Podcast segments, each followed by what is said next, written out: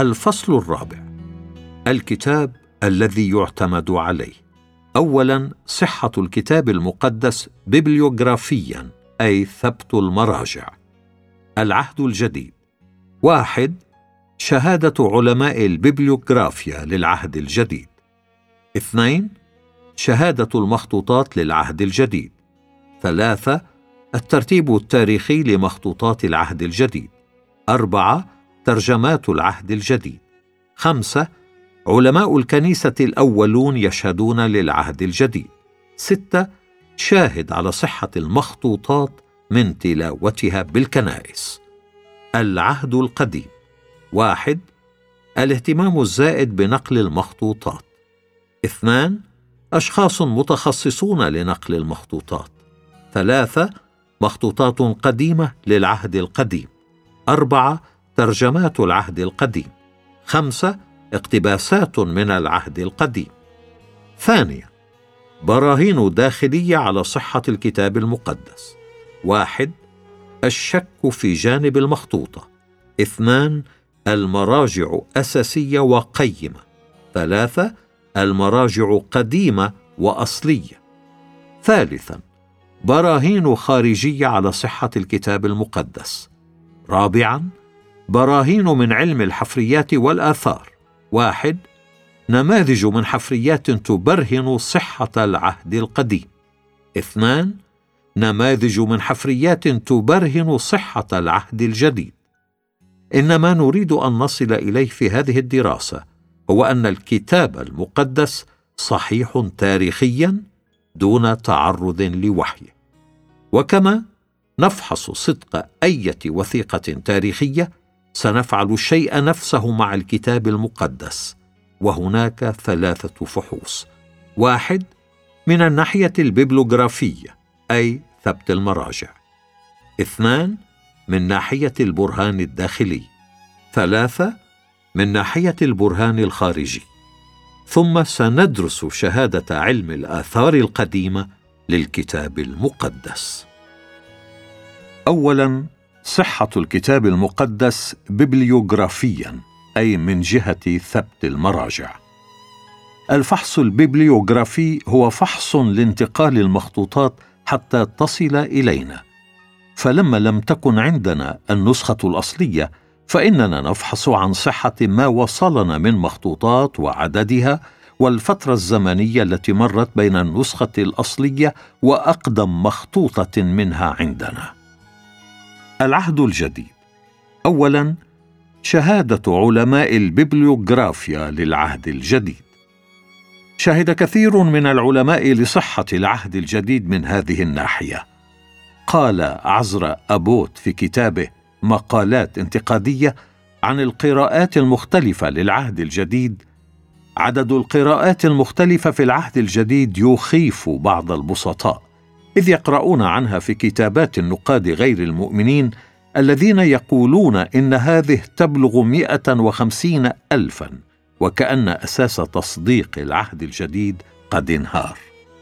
ولكن الحقيقة هي أن خمسة وتسعين في المئة من هذه القراءات المختلفة تعوزها الأدلة وضعيفة ولا تستحق القبول.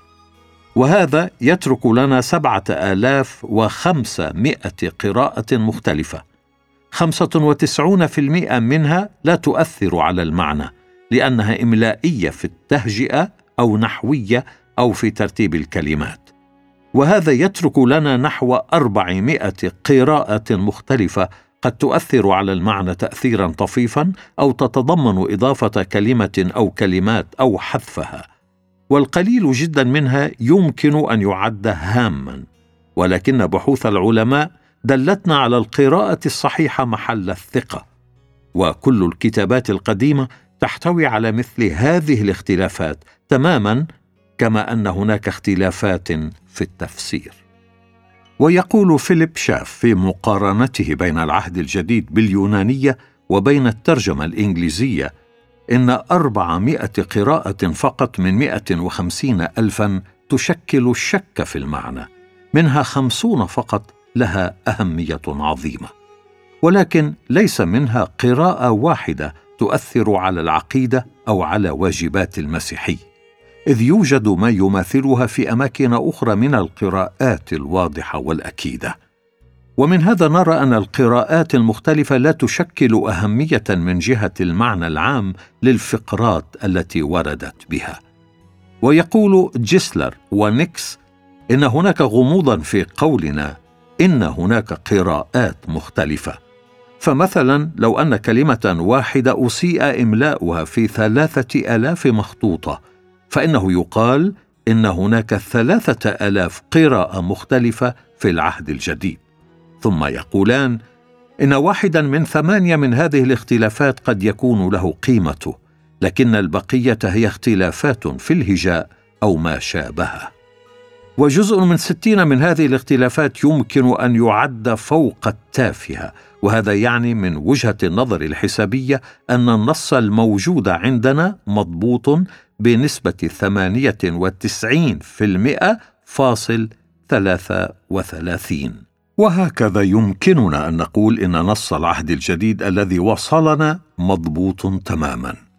لم يفقد منه أو يتغير فيه شيء من قوانين الإيمان أو السلوك. ويقول بروس في كتابه الكتب والرقوق القراءات المختلفة في العهد الجديد لا تحتاج إلى تخمين لضبطها. فهناك شاهد واحد على الأقل بين آلاف الشواهد المضبوطة. يحتفظ بها بالقراءة الصحيحة.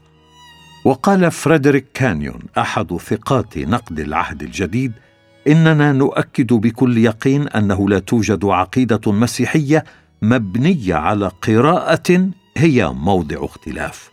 وقال إن نصوص الكتاب المقدس أكيدة في مادتها وهذا ينطبق بصورة خاصة على العهد الجديد.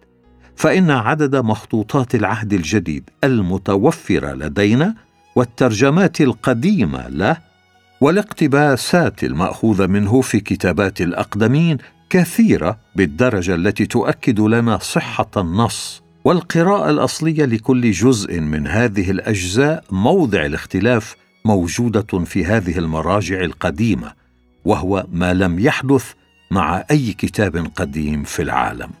والعلماء مستريحون على أنهم يمتلكون اليوم النص الصحيح لكتابات المؤلفين اليونانيين والرومانيين من أمثال سوفوكليس وشيشيرون وفيرجل مع أن معرفتنا بهذه الكتابات تعتمد على عدد قليل من المخطوطات بينما مخطوطات العهد الجديد تحصى بالألوف. إن مقارنتنا نص العهد الجديد بنصوص الكتابات القديمة تؤكد لنا أن العهد الجديد صحيح بدرجة مذهلة لأن الذين نقلوا مخطوطاته فعلوا ذلك بدقة بالغة وباحترام كبير لأنه كتاب مقدس. ولقد حفظت عناية الله لنا مخطوطات للعهد الجديد من كل عصر كاملة وصحيحة تؤكد لنا بالمقارنة بمخطوطات الكتب القديمة سلامة العهد الجديد من كل عيب.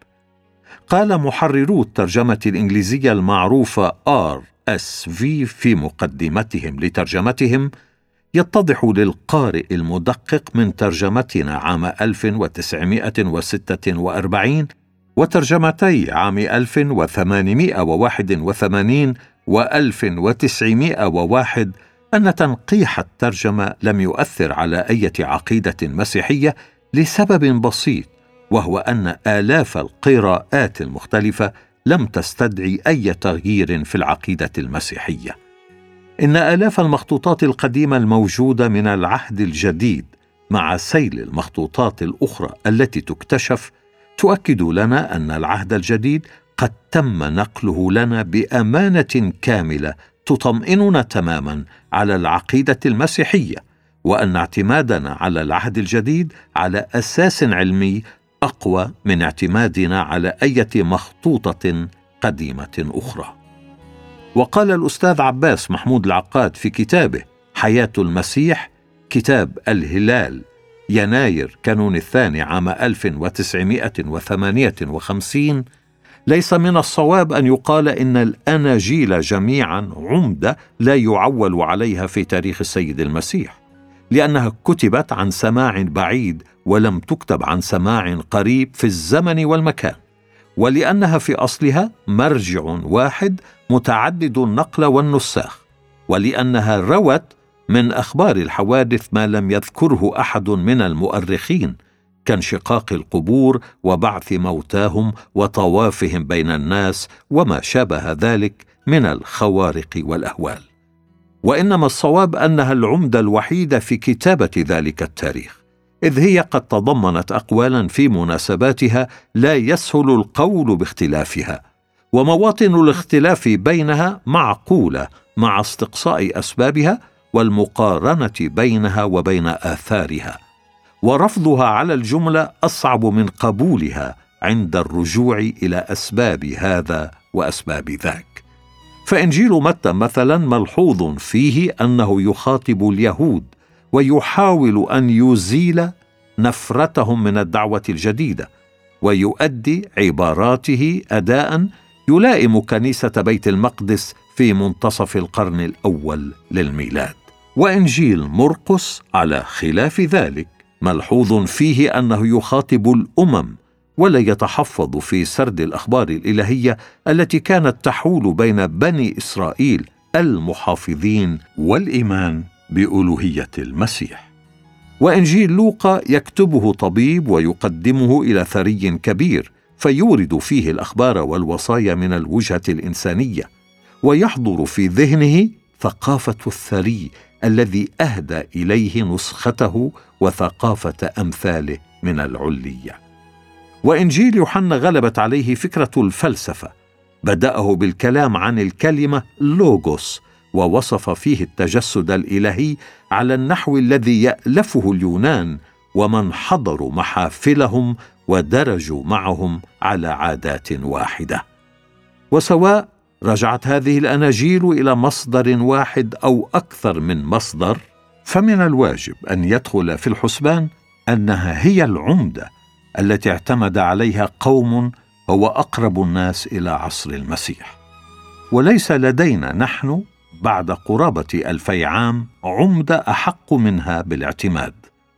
ونحن قد عولنا على الأناجيل ولم نجد بين أيدينا مرجعا أوفى منها لدرس حياة المسيح والإحاطة بأطوار الرسالة وملابساتها. ثانيا شهادة المخطوطات للعهد الجديد.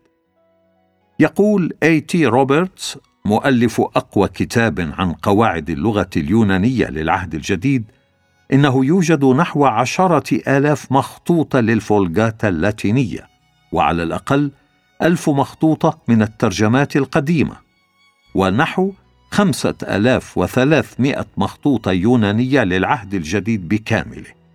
كما يوجد لدينا اليوم أربعة وعشرون ألف مخطوطة لأجزاء من العهد الجديد. كما أننا نقدر أن نجمع أجزاء كثيرة من العهد الجديد من اقتباسات الكتاب المسيحيين الأولين. ويقول جون وورويك مونتغومري لو أننا جعلنا مخطوطات العهد الجديد موضع شك لا لازمنا أن نرفض كل الكتابات القديمة لأنه لا يوجد كتاب ثابت ببليوغرافيا مثل العهد الجديد. وقال السير فريدريك كانيون مدير مكتبة المتحف البريطاني وأعظم ثقة في دراسة المخطوطات عندنا أعداد كبيرة من مخطوطات العهد الجديد وهذا يختلف عن كل المخطوطات الأخرى. فمخطوطات العهد الجديد تمتاز عنها جميعا في أن الفترة الزمنية بين كتابة المخطوطة الأصلية وبين المخطوطات التي وصلتنا منها قصيرة نسبيا. فقد كتبت اسفار العهد الجديد في أواخر القرن الرابع الميلادي وبعضها من قبله أي بعد 250 أو 300 سنة على الأكثر من كتابتها. وقد تبدو هذه لنا فترة طويلة نوعا ما ولكنها ليست شيئا بالنسبة للقرون الطويلة التي تفصل ما بين المخطوطات الأصلية لمؤلفات كتاب الإغريق العظام وبين النسخ الموجودة الآن. فالنسخ الموجودة لدينا من روايات سوفوكليس السبع ترجع إلى 1400 سنة بعد موت الشاعر.